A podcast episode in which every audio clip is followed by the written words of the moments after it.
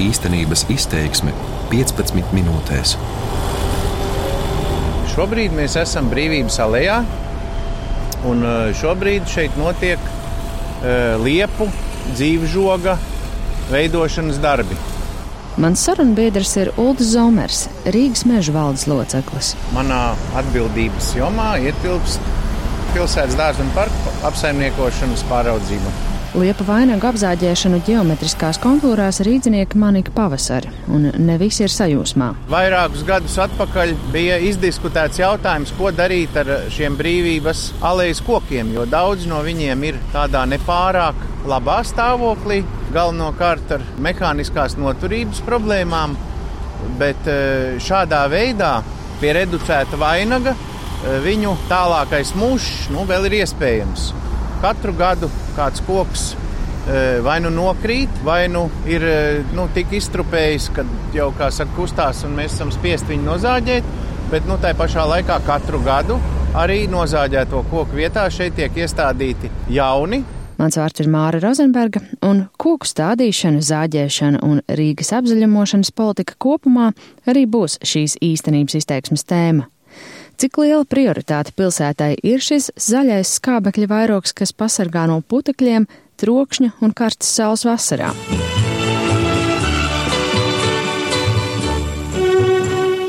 Rīga, parku un dārzu pilsēta, mēs tā sakām. Un mums tās saka, slavē mūs, un mēs paši sevi slavinām, un no šīs slavināšanas reipstam kā teteru gaļi riesta laikā. Paskatīsimies uz saviem zaļumiem ar vēsāku prātu. Tas ir fragments no 1980. gada kino žurnāla Padomju Latvija, kad propagandas pārsātinātajos rullīšos sāk ielausties pirmā kritika, un uzrunātie eksperti atļaujas sacīt, Rīgai nav skaidrs sistēmas apstādījumu atjaunošanai. Bioloģijas zinātņu kandidāts Andris Zvirksts ja turpināsies tādā tempā, kā uz kādu ir pašlaik spējīgs Rīgas dārza un parku stress, tad šo darbu varēs paveikt 25 gadu laikā.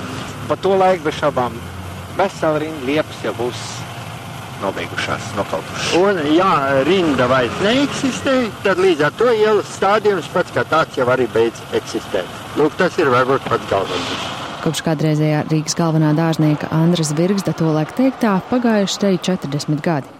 Galvenā dārznieka amata Rīgā vairs nav, bet galvenais atbildīgais par Rīgas apstādījumiem ir pašvaldības kapitāla sabiedrība Rīgas meži un tās pāraugs mājokļu un vidas departaments.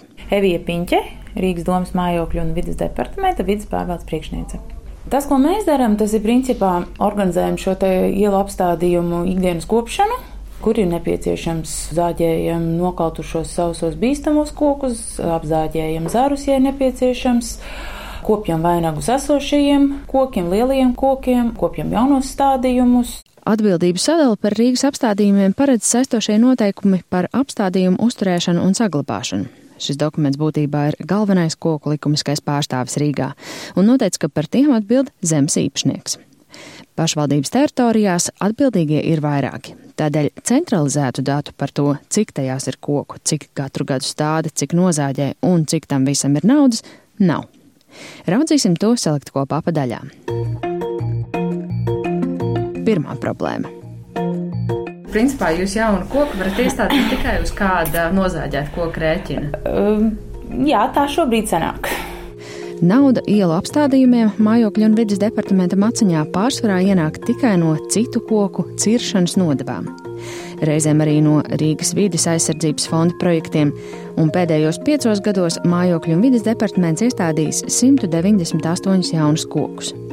Nozāģēti ir 2626. Tā skaitā tā sauktie avārijas koki, kaltušie, bojātie un papeles, ko pašvaldība mērķiecīgi izcērta. Tas, kas varbūt traucē pilnvērtīgi atjaunot apstādījumus, ir tas, ka nu, šis budžets ir uh, nepietiekams. Un tātad mums bez stādīšanas ir vēl arī citi darbi, kas ir darāmi pilsētas publiskajos apstādījumos. Nu, tad jau vēl mazāk jums tās naudas sanāk. nu, jā, tātad tieši, lai, lai cik nozāģē, lai tikpat iestādītu, tā, tā nesenāk.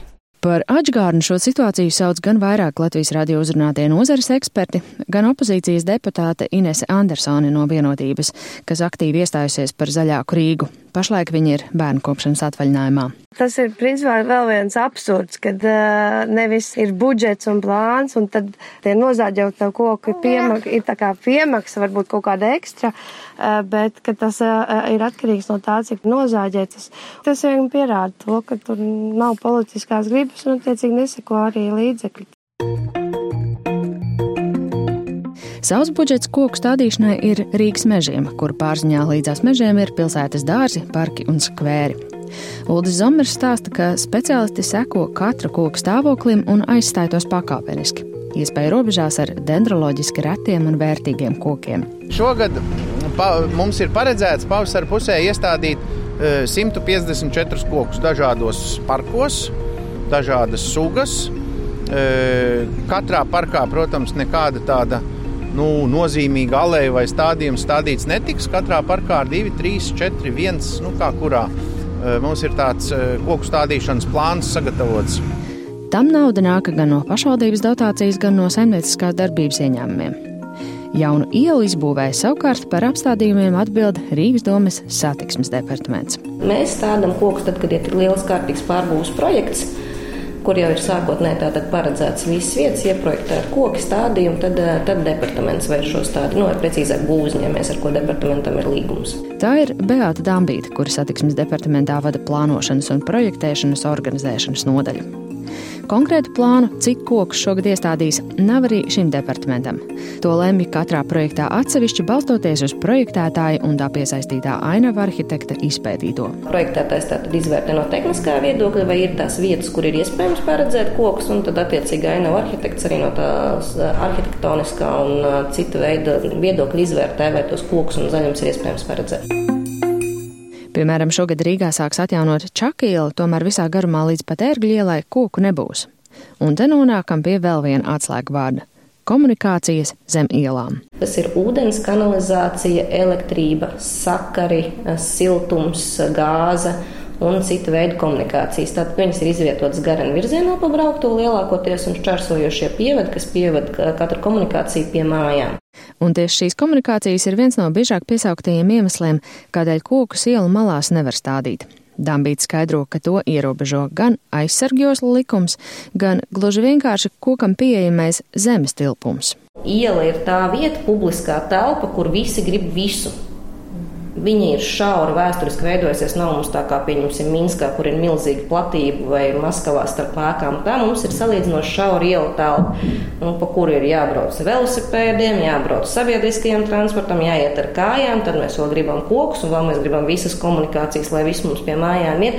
Nu, tā tad kaut kur ir tas kompromiss. Nu, nevienmēr būs tā, ka visam varēs atrast to vietu, un kas ir loģiski. Un es saku, šeit nav jautājums, ka kāds varbūt negrib vai iespītējās speciāli, bet tas ir tiešām tāds loģisks apsvērums, ka nu nevar iestādīt koku, ja apakšā iet gāzes vats. Mani sauc Gudo Leiburgs.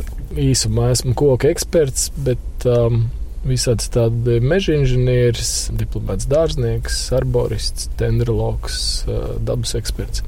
Tā galvenā atruna, protams, mēs nevaram stādīt kokus, jo ir komunikācijas. Un šajā situācijā, protams, ja ļoti, ļoti grib, tad, tad izrādās, ka var.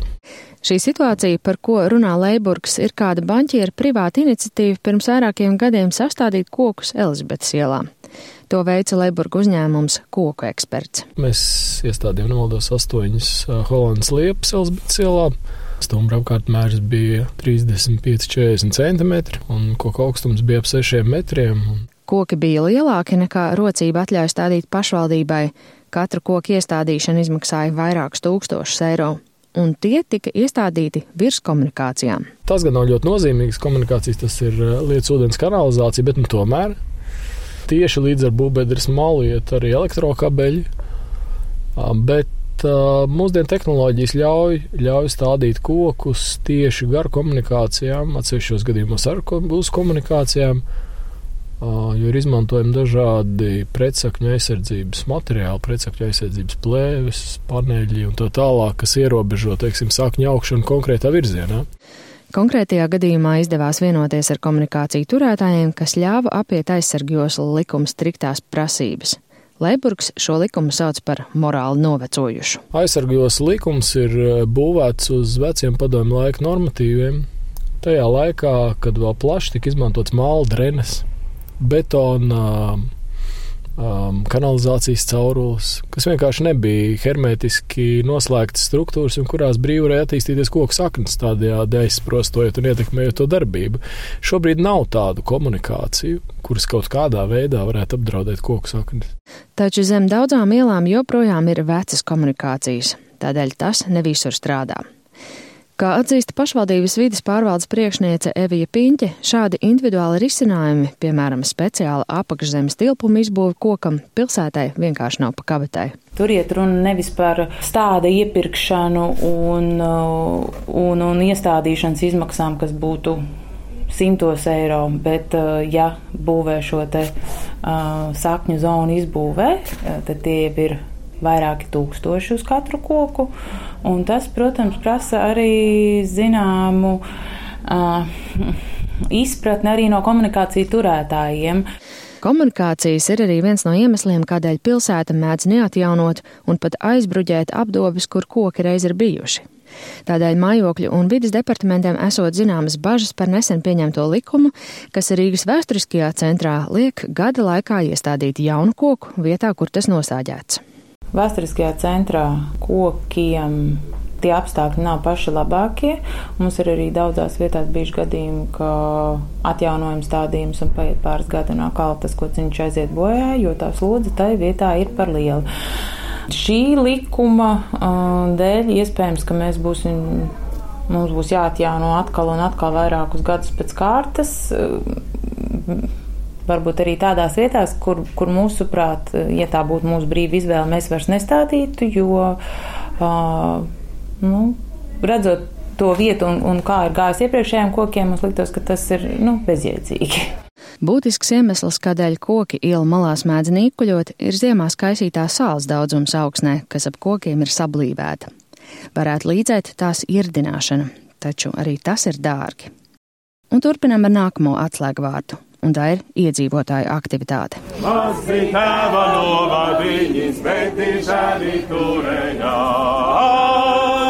Nesenais pikets Hāmaņa mūžas parkā ir viens no piemēriem, liekas, arvien augošajai iedzīvotāju aktivitātei aizstāvot kokus pilsētā. Vairāk nekā simts koki ir ļoti liels skaits, lai tos nocirstu vienkārši vienas uh, mājas būvniecībai. Man ir patīkami redzēt, ka te ir tik daudz cilvēku, kas saprot to, ka daba Latvijā tā ir viena no lielākajām vērtībām. Mēs esam šeit, jo mēs ļoti labi zinām arī, cik svarīgs ir atbalsts mums kunciņu salā. Mēs esam ļoti daudz ko nosargojuši tikai tādēļ, ka esam cilvēki sanākuši kopā. Sanākt kopā un dalīties domās arī internetā viena no pirmajām mudināja aktīva rīzniece Lolita Thompsone, kur sociālajā tīklā Facebook izveidoja grupu par kokiem Rīgā. Pašlaik tajā ir 756 biedri. Tomsona atzīst, ka reizēm pārņem bezspēcība, jo ir sajūta, ka iedzīvotājus īpaši galvā neņem. Un tas ir tas, kas ir ļoti smagi, ka cilvēki ir iznākuši ielās, ir savākuši parakstus. Viņi tiešām cenšas iesaistīties, un tad, kad tu redzi, ka tas netiek ņemts vērā, tad liekas, ko priekš kam. Tam gan negrib piekrist Rīgas būvvaldē, kas izsniedz atļaujas koku ciršanai ārpus meža. Apstādījuma inspekcijas vadītāja vietnieks Viesturs Freimanis. Savukārt, ja ir būvniecības jautājumā vēlās cirst kokus, tad vienkāršiem argumentiem, gribu lai cērt kokus vai negribu lai šeit cērt kokus, viņiem ir nozīme, bet ne tik liela, jo papildus ir jāievēro arī īpašnieka tiesības izmantot šo zemes gabalu pēc saviem ieskatiem un atbilstoši nu, visādiem teritorijas plānojuma noteikumiem un tā tālāk. Taču papildus spiediens varot vairot iespēju, ka būvniecības skice tiks pārskatīta, kā tas esot bijis piemēram pļavnieku veikala Lidla gadījumā, kur vietējie pret apmēram 40 koku izciršanu savāca vairāk nekā tūkstoti parakstu. Iedzīvotāji iespējams tā neuzskata, bet nu, komisijas ieskatā vismaz kompromiss tika rasts. Saglabāja gandrīz pusi no sākotnēji plānotiem kokiem, cirst, plānotajiem un eh, tika paredzēts bērnu laukuma izbūve un uh, jaunu koku stādījumi, kas tātad skaitliski ir lielāks nekā izcērtamo koku skaits. Rīgas būvvalde ik gadu izsniedz apmēram 3000 koku ciršanas atļauju, bet ap 400 noraida. Freimans gan uzsver, ka reāli tiek nocirsta viena apmēram ceturtā daļa, vismaz tā liecinot samaksāto nodevu apjoms. Nodeva var būt ļoti dažāda - no pārdesmit līdz pat vairāk nekā tūkstotim eiro, atkarībā no koka sugas, lieluma, atrašanās vietas un citiem kritērijiem. Nākamais pieturpunkts Rīgas apstādījumu atjaunošanai trūkst vienotas sistēmas. Man ir Jā. tik ļoti daudz runājumu par šo Jā. tēmu, ka es labprāt gribētu izveidot uh, podkāstu, vai tāpēc, ka viņa nav izrunājama īsā, īsā intervijā. Ainava arhitekte Helēna Gūtmane no uzņēmuma Alps par Rīgas apzaļumošanas problēmām patiesi varētu runāt stundām. Viņa daudz sadarbojasies ar pašvaldību, tostarp baronielas atjaunošanā, un secina, visi, kuri ir atbildīgi par noteiktām darbībām, dabas pārvaldē, satiksmes departaments kaut ko dara, Rīgas dārzu un parku nodaļā, Rīgas mežos, kuri vienkārši burvīgi, ļoti profesionāli, ļoti labi dara savus darbus. Ir arī citas institūcijas, kuras ņem rūp par to, bet nav sistēmas, un tāpēc ir ļoti daudzas lietas, kuras izkrīt no seduma no visiem darbiem, kas ir jāpadara, lai uzturētu Rīgas apstādījumus savā labākajā formā. Uzņēmums Alps pērn pēc mājokļu un vidas departamenta pasūtījuma izstrādājis dokumentu, ko Gutmani sauc par Rīgas vēsturiskā centra zaļas infrastruktūras atjaunošanas rokas grāmatu. Tas ir tāds formāts, kurš eh, nav nosaucams par standartu, kurš nav saistošs juridiski, bet kurš varētu palīdzēt saprast, kas mums ir jā, jādara, jā, kas mums ir jādara Rīgā.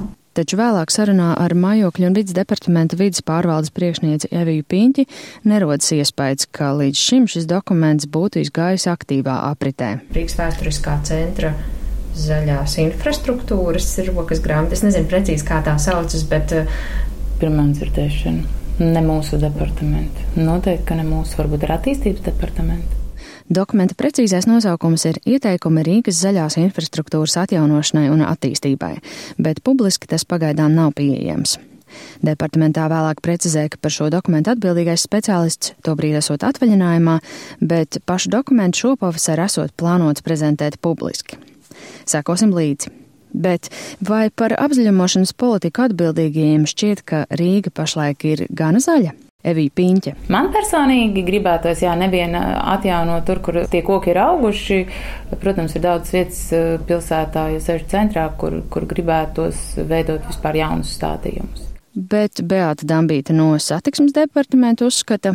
Man tiešām liekas, ka Rīga ir salīdzinoši zaļa pilsēta, un es nesaskatu to kā būtiskāko problēmu, ka būtu pamaz zaļuma. Rīgas meža valdes loceklis Ulris Zomers piekrīt. Pilsētas vēsturiskais centrs, es domāju, ir salīdzinājumā ar citām Eiropas pilsētām ļoti zaļš un pietiekami zaļš. Bet te dažas uzņēmuma koku eksperts īpašnieka Gvido Leiburga pārdomas. Mēs nevaram, protams, gribēt, lai Rīga pēc pāris gadiem būtu Londona vai Amsterdama, kas ir nu, Eiropas tādas zaļās, zaļās galvaspilsētas, vai kaut vai tāpat Berlīne. Bet uh, dažus, dažus principus droši vien nebūtu slikti nodefinēt. Pieņem, piemēram, kaut vai pa pilsētas zonām nodefinēt, kāds ir mūsu vēlamais, kādā konkrētā laika posmā sasniedzamais vainagu pārklājums procentuāli no kopējās platības. Cik mēs gribam kokus vecrīgā, cik mēs gribam klusajā centrā, cik mēs gribam mikrorajonos. Nu, jā, un tad, tad varbūt mums beigās tas Londonas 40% izdosies tam nu, kaut kad tuvināties. Ja mēs nenospraudīsim tādus mērķus, tad mēs arī nekad nesasniegsim neko konkrētu. Redzot, ka koku Rīgā kļūst mazāk, aktīvākie iedzīvotāji publiskās vietās tos mēģinājuši stādīt paši, no pilsētas mēra saņemot vienu apzīmējumu - pajoliņa. Eksperti aicina stādīšanu atstāt profesionāļiem, bet tam, kā redzams, vienmēr naudas nepietiek. Varbūt pašvaldībai jāatver ziedojuma konts. Iedzīvotāji teica, būtu jauki, ja pašvaldība beigtu bārt tos, kas vēlas iesaistīties kā prot, bet, piemēram, sarīkotu kursus, kā pareizāk kopt pagalmu stādījumus. Tomēr pašlaik nākas secināt, ka koki Rīgas politisko prioritāšu sarakstā nav pārāk augstu. Jau 15 gadu Rīgā vairs nav galvenā dārznieka vai galvenā ainava arhitekta amata. Pietrūkst strateģiska redzējuma un vienotas sistēmas zaļās infrastruktūras atjaunošanai. Katra struktūra strādā savas atbildības ietvaros, bet reizēm komunikācija klibo pat vienā departamentā. Kā mainās koku skaits publiskās teritorijās centralizēti, neviens neuzskaita. Centrālajā brīvības gatvē šopavasar plāno nozāģēt 27 nokautušus kokus. Cik iestādīs vietā, pašlaik nav zināms. Mans vārds ir Māra Rozenberga. Šī raidījuma tapšanā paldies arī kolēģiem Annijai Petrovai un Uldim Grīnbergam. Šis bija raidījums īstenības izteiksme.